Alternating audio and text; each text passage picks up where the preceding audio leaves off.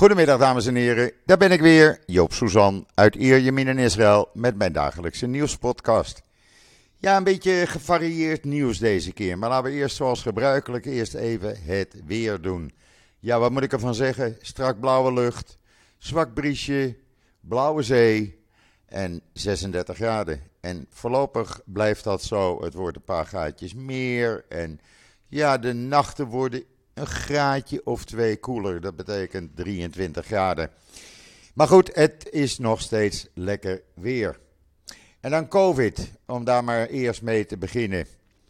Eh, de afgelopen 24 uur, 1086 nieuwe gevallen. Er zijn in totaal nu 14.374 mensen met het virus. Uh, daarvan liggen er 163 ernstig ziek in de ziekenhuizen, waarvan 69 in kritieke toestand 59 van hen uh, aangesloten aan beademingsapparatuur. Het dodental is gestegen naar 11.580. Ondertussen heeft uh, professor Gamzu, de voormalige uh, coronavirus-tsaar en CEO van het Soraski Medical Center, oftewel het Igilov ziekenhuis in Tel Aviv, die heeft gezegd: stop nou maar met isoleren van mensen die besmet zijn. Uh, dat maakt niets meer uit. Uh, het gaat vanzelf wel over. En de verplichte opdracht om maskers te dragen op hele drukke plekken kan je ook maar beter vergeten. Oké, we zullen zien wat de andere geleerden ervan gaan zeggen. Ja, en dan uh, hadden we hier in Israël gisteren de eerste vrouwelijke bataljonscommandant van het IDF Air Defensie Corps, die is benoemd. Moeder van drie kinderen, waaronder een kleintje als je op die foto kijkt. Staat in israelnieuws.nl. En uh, ja, uh, zij is nou begonnen als bevelhebber van het 66e bataljon luchtverdedigingskorps voor het eerst een vrouw die dit leidt. Het is allemaal te zien en uh, te lezen in israelnieuws.nl. En dan uh, hebben Israëlische archeologen een 1200 jaar oude villa of herenhuis, net hoe je het noemen wil, in de Negev-woestijn gevonden. Jawel, in de Negev-woestijn. Uh, voor het eerst in zijn soort dat dit is gevonden in de Negev. Uh, en uh, ja, ze werden eigenlijk verrast door een gewelfd complex. Dat over een drie meter diep in de rotsen uitgehouwen waterreservoir uh, ligt. Ook heel bijzonder. En voor de rest hebben ze allerlei waardevolle gebruiksartikelen gevonden. potjes, kruikjes, noem maar op. Allemaal te zien op de foto's, want ik heb er een heleboel foto's bij gedaan. Het zijn mooie foto's trouwens. Marmeren uh, vloeren hebben ze gevonden. Uh, ja, mogelijk dat ze ondergrond opslagruimte gebruikten om voedsel bij vrij koele temperaturen op te slaan. Allemaal heel bijzonder als je dat ziet. Ik raak er in ieder geval niet over uitgekeken. Ga maar even lezen op israelnieuws.nl als je het nog niet gedaan hebt natuurlijk. En dan voor de mensen die het nog niet gelezen hebben, uh, de nieuwe column van mijn broer Simon Suzan. Die is wel heel bijzonder deze week geweest. Want hij, uh, zoals bekend, werkt hij voor uh, de Israëlische overheid bij de, ja, in, in, in Duitsland. hij werkt voor het JNF, onder andere. Maar hij doet ook voorlichtingsavonden. En toen kwam er een vrouw naar hem toe. En die had wel een heel bijzonder iets bij zich. Uh, ik ga het niet verraaien. Maar ik vond het een heel bijzonder verhaal. Met een mooie foto. Uh, een stuk Torah-rol, wat als kleermaker-schabloon werd gebruikt. Ja, dat werd in die uh, Tweede Wereldoorlog door de Duitsers gedaan. ja, en hoe dat verhaal dan voor de rest in elkaar zit, Lees het maar, want het is echt mensen, het is hartstikke bijzonder. Geloof mij, ik overdrijf niet als ik dat zeg. En dan uh, we zijn er nog niet. Nee, nog lang niet. Afgelopen nacht is de IDF weer bezig geweest. En heeft 14 terreurverdachten aangehouden en een hoeveelheid wapens in beslag genomen. Allemaal in Judea, Samaria. Uh, tuurlijk werden ze weer bekogeld met cocktails, geen gebrek daaraan. Uh, ook explosieven werden deze keer gebruikt. Maar ze stonden hun mannetje en vrouwtje, de soldaten. En ze hebben iedereen aangehouden die ze wilden aanhouden. Uh, eh, IDF was zo vriendelijk er een video bij te doen. Die staat ook online in uh. En dan heeft de regering besloten dat de commissie, de interministeriële commissie voor onderzoek naar gevallen van moord op vrouwen, dat die, uh, het onderzoek wordt uitgebreid, zodat ze ook omvatten de moord op vrouwen door andere familieleden dan hun echtgenoten. Vooral in de Arabische wereld komt het nogal vaak voor dat broers of vaders, uh, ooms, uh, neven, vrouwen vermoorden. En men wil daar een eind aan maken. En men is daar bezig om maatregelen te nemen. Ja, en dan hebben we een groot probleem hier in Israël met die Iran-deal. Minister eh, van Defensie Gans heeft besloten morgen naar Amerika te gaan. Om proberen in gesprekken die Iran-deal tegen te houden. Uh, want men vertrouwt Iran niet. Er zijn een aantal, uh, ja, laat ik zeggen, veiligheidsfunctionarissen in Israël die uh, er geen moeite mee hebben, maar het overgrote deel van het veiligheidspersoneel in Israël heeft toch grote moeite met die Iran-deal. Want uh, de sancties worden opgeheven, ze krijgen miljoenen, miljarden aan banktegoeden uh, weer beschikbaar. En ondertussen ja, willen ze geen controles. Bennett heeft president Biden opgeroepen om zelfs nu op het laatste moment af te zien van het ondertekenen van die overeenkomst met Iran. Want, uh, zegt Bennett, het zal ongeveer een kwart biljoen dollar naar de portemonnee van de Iraanse terroristenorganisatie brengen. En naar haar regionale volmachten, want die krijgen daar ook een uh, grijpstuivertje van. En het zal Iran in staat stellen om centrifuges verder te ontwikkelen, te installeren en te exporteren. Uh, Bennett zegt: We hebben het afgelopen jaar met succes onze tegenhangers in het Witte Huis kunnen overtuigen. Uh, en ik hoop dat het zo zal blijven. Gans heeft dus aangekondigd dat hij donderdag naar uh, Amerika gaat en met een reeks Amerikaanse defensiefunctionarissen gaat praten. Want, zegt hij, wij vertrouwen Iran voor geen cent. Echt niet. En we zullen er alles aan doen om de Iran-deal te beïnvloeden. We zijn dan wel geen partij, maar er moet iets gebeuren.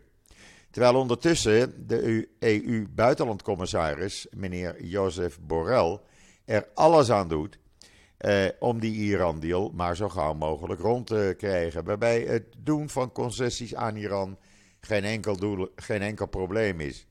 Want wat blijkt, uh, Iran heeft uh, bijvoorbeeld nu weer uh, nieuwe concessies gedaan. Ze willen geen controles bijvoorbeeld van hun nucleaire installaties, die verder gaan dan wat in 2015 was afgesproken. Ja, als je die niet wil, dan heb je wat te verbergen natuurlijk. Voor de rest zegt Iran dat eh, zolang de, het internationaal atoomagentschap eh, continu onderzoek blijft doen. Nou, voelen we helemaal niks voor een Iran-deal. Uh, we willen geen onderzoek meer van het internationaal atoomagentschap. En zo blijven ze maar doorgaan elke keer weer. En het is dan logisch dat de Israëlse regering zegt: ja, wij vertrouwen het gewoon niet. Het is bloedlink. Ze beschikken daar binnenkort over eh, een eh, partij kernwapens. Ze dreigen Israël van de kaart te vegen. En eh, dan moeten wij akkoord gaan met een Iran-deal. We hebben het al een keer meegemaakt, liever niet. Ondertussen, ondanks dat Amerika dus bezig is met Europa misschien toch een Iran-deal rond te krijgen, heeft, het Amerikaanse leger luchtaanvallen uitgevoerd in Syrië tegen faciliteiten die worden gebruikt door groepen die zijn aangesloten bij de Iraanse revolutionaire garde. Eh, ja, dan kan je zeggen het een klopt niet met het ander, want dan zou je dat ook niet moeten doen. Eh, het is een eh, behoorlijke eh, aanval geweest, waarbij een heleboel eh, installaties met de grond gelijk zijn gemaakt. Het staat in I-24 nieuws. En eh, ja, journalisten vinden het toch raar dat ze dat doen op het moment dat, eh, zeg maar, eh, de onderhandelingen over die Iran-deal naar een hoogtepunt komen. Ja, niemand weet wat Hezbollah gaat doen, want daar hebben we ook nog een probleem mee. Want Hezbollah heeft gedreigd met acties zodra eh, dat gasveld eh, wat Israël eh, exporteert, het Karish gasveld, daar wil men volgende maand beginnen, Energeen, die wil beginnen met het oppompen van het eerste gas. Maar niemand weet wat Hezbollah gaat doen. En die heeft gezegd: ja, jullie kunnen overeenkomsten maken met Libanon zoveel je wilt. Wij zijn het daar niet mee eens. En wij vinden dat dat gasveld van eh, Libanon behoort. Nou, Libanon zegt: nee, wij willen die overeenkomsten wel maken. Nee, zegt Hezbollah, dan hak ik de handen van Israël af. Nou, zo gaat dat dan maar door. En het is allemaal. eh, ja, je kan zeggen: het is een soort déjà vu. Want eh, Nasrallah heeft dit soort dreigementen al eerder gebruikt. Er staat een hele analyse van in eh Ynet. En ja, ik vertrouw het ook voor geen cent, mensen. Het is. Ja, het lijkt wel of we weer naar een of ander hoogtepunt gaan. Eh, nou ja, we zullen wel zien. never a dull moment hier in Israël. Ja, en dan gisteren heeft Netanyahu eh, grote druk uitgeroepen, eh, uitgeoefend op die twee extreemrechtse partijen die uit elkaar zijn gegaan. eh, om toch maar weer bij elkaar te komen. Want, zegt hij, als jullie niet samengaan, dan hebben wij te weinig stemmen en dan word ik geen premier meer. En dat willen jullie niet. Nou, daar zijn die twee extreme toch wel, of extremisten, toch wel gevoelig voor geweest.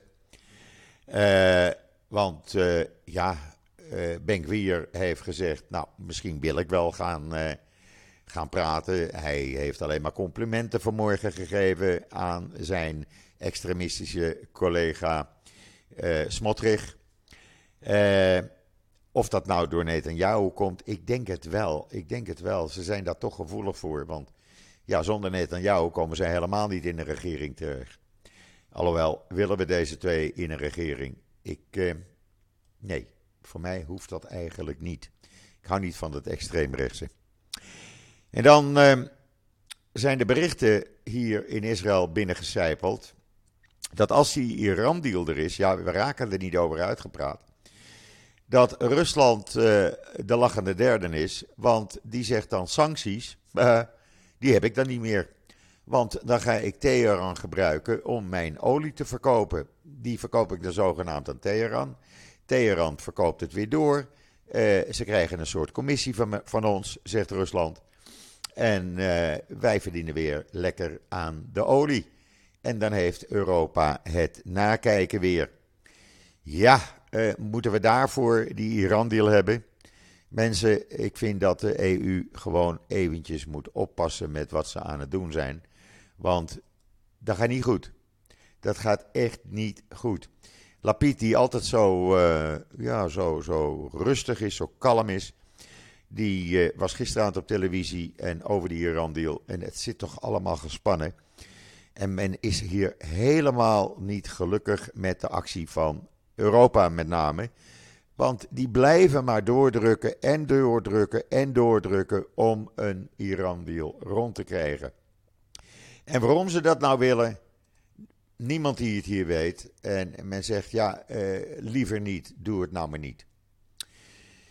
En dan vanmorgen is er na vier jaar een voortvluchtige crimineel gepakt op het vliegveld Ben Gurion. Uh, Golan Avidan, 54 jaar oud, die werd in 2019 gearresteerd in een synagoge in Casablanca. Hij wordt verdacht van een bomaanslag in Israël in 2003, waarbij drie mensen omkwamen. Hij dacht dat hij uh, rustig zat in Marokko. Ze hebben hem daar gearresteerd. Nou, Israël en Marokko zijn weer goede maatjes. Hij is vanmorgen aangekomen uh, op het vliegveld en meteen weer vastgezet. Komt later vandaag, vandaag voor de rechter in Rishon LeZion. Hij is uh, lid, zegt men, van de beruchte misdaadfamilie Abergil. Uh, we zullen zien. Je hebt hier never a dull moment. En dan uh, is er hier bekend geworden. Ik heb het vanmorgen op Twitter gezet en je kan het lezen in de Jeruzalem Post. Maar uh, druiven hebben een verbazend, verbazingwekkend goed effect op je lichaam. Ze zijn niet alleen zoet en lekker, ze zijn makkelijk te koop, ze zijn niet duur. Maar je leeft er ook langer voor, langer door. Vijf jaar kan het wel zelfs zijn. Want mensen die uh, regelmatig en veel druiven eten, uh, ja, men heeft ontdekt dat je dan minder kans op hartaanvallen hebt, dat je lever beter gaat werken, dat je beter beschermd bent tegen de ziekte van Alzheimer. Ja, en nog wat van dat soort zaken. En ja, het eten van druiven is dus goed dan denk ik ook dat een wijntje goed is. Dus uh, lees het maar even in de Jeruzalem Post. En dan is de Likud-partij teruggefloten en moeten een boete van 40.000 shekel betalen, oftewel zo'n 12.000 euro's. Want ze hebben uh, Yesatit van Lapid belachelijk gemaakt in verkiezingsvideo's en een campagnevideo's die ze geadverteerd hebben. En die parodie, parodie mag niet. En ja, ze moeten dus die uh, eh, 12.000 euro's betalen. En mogen die video niet meer gebruiken. ja, je kan natuurlijk niet iedereen belachelijk maken, zeg ik dan. En dan de Verenigde Naties.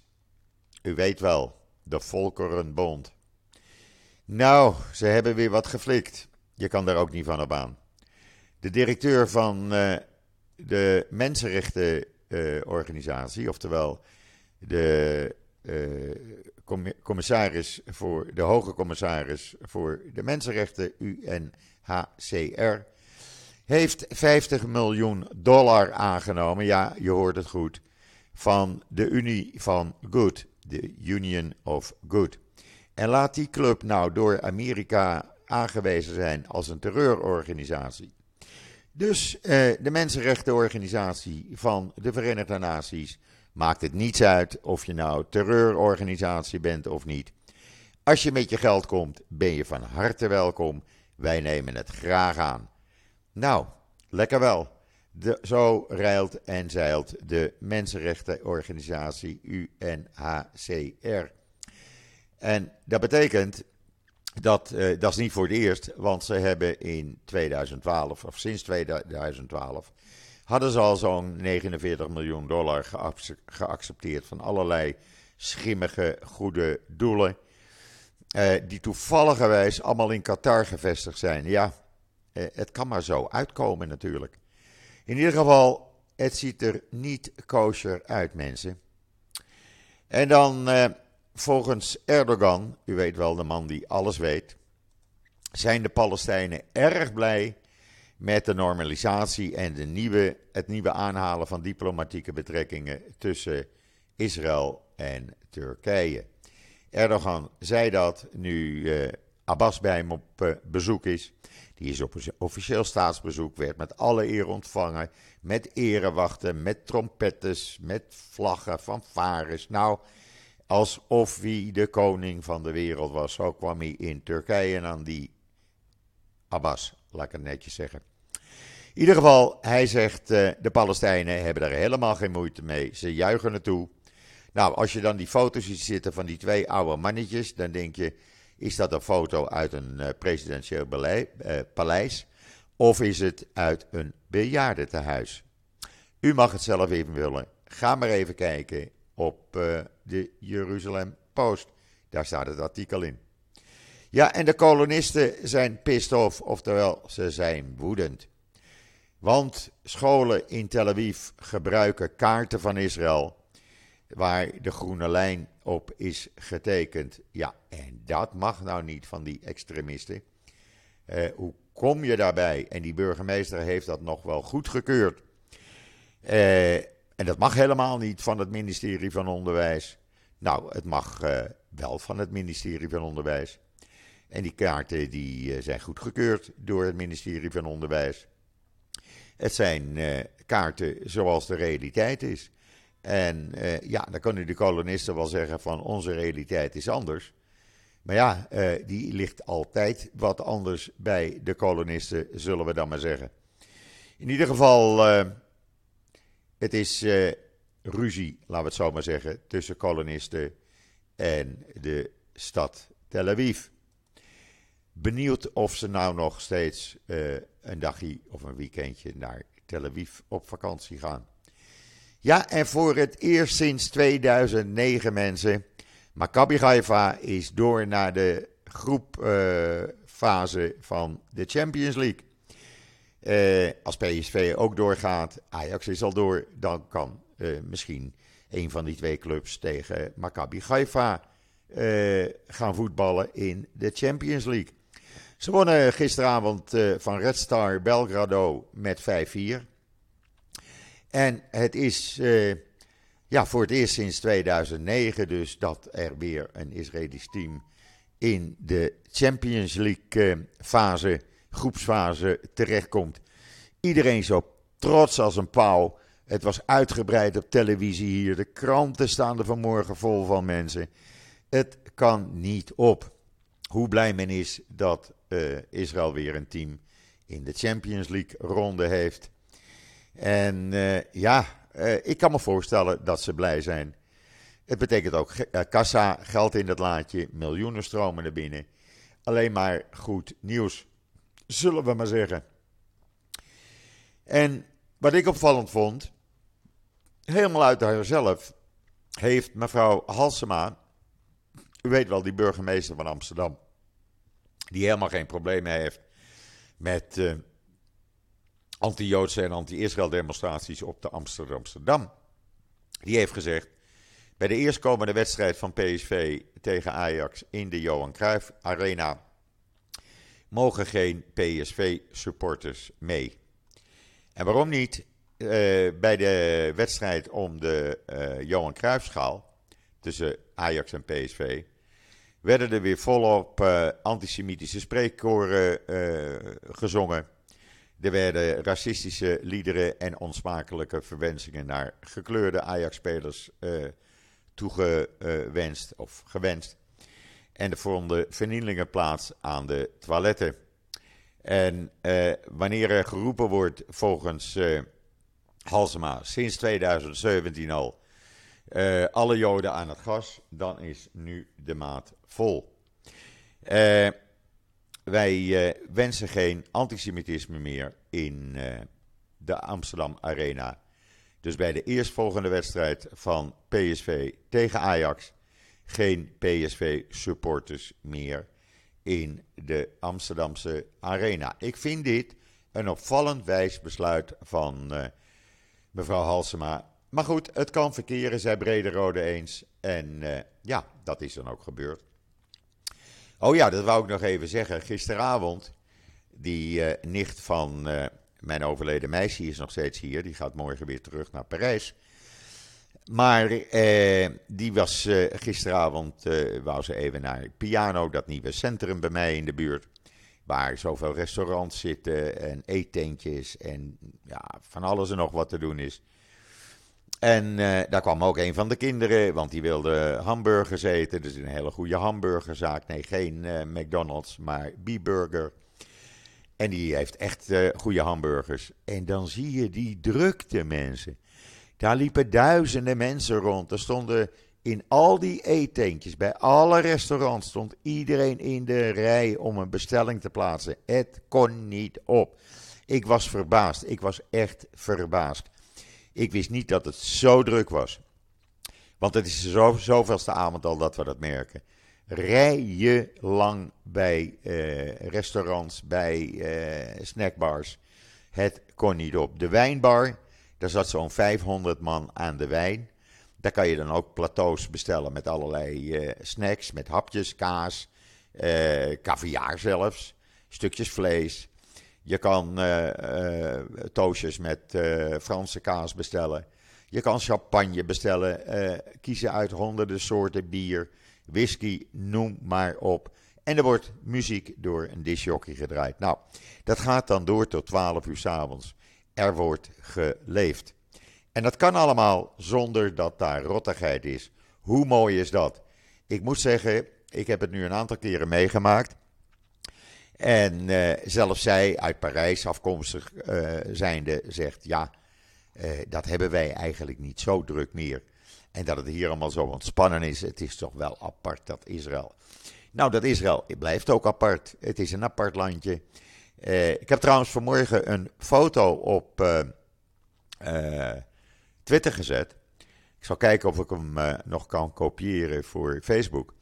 Maar daar zie je een Israëlische vrouwelijke soldaat met een meisje uit Gaza verzorgen in een Israëlisch ziekenhuis. Jawel, ze heeft het meisje op de arm, ze verzorgt er in het ziekenhuis. Dat is de realiteit in Israël. Echt. Het is niet zo wat mensen in Nederland proberen wijs te maken. Helemaal niet. Israël doet er alles aan. En vooral de kinderen worden op een allerliefste, allermooiste manier geholpen. En ik juich het alleen maar toe. Het is een mooi gezicht als je dat ziet. Goed, eh, morgen ga ik de keukentafel afstoffen. Dan weten jullie het al. Dan komt Esther weer een bakje doen aan de keukentafel. Esther Voet van het NIW. En dan gaan we samen weer de hele zaak doornemen van wat er allemaal gebeurd is in Nederland, in Israël, onder het genot van een kopje koffie, lekker aan de keukentafel. Nou, wat willen we nog meer? Dat is morgen. Dit was vandaag. Ik wens iedereen nog een hele fijne voortzetting van deze uh, dinsdag, de, uh, woensdag, de 24 uh, eh, augustus. Morgen ben ik er weer met Esther. En zeg ik, zoals altijd, tot ziens. Tot morgen.